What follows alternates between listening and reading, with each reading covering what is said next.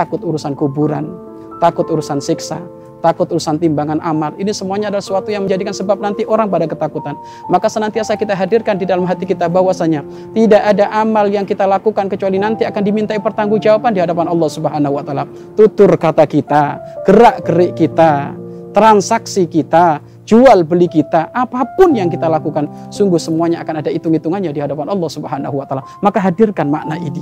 Kapan Anda menghadirkan makna ini, Anda kami yakin Anda akan akan mudah melakukan amal kebaikan amal kebaikan. Sehingga di saat transaksi tidak akan melakukan khianat di saat transaksi tidak akan melakukan pendustaan di saat transaksi tidak akan melakukan horor penipuan. Kenapa? Karena dirinya ngerti bahwasanya penipuan akan menjadikan dia disiksa oleh Allah Subhanahu wa taala. Dan ketahuilah siksaan Allah sangat pedih.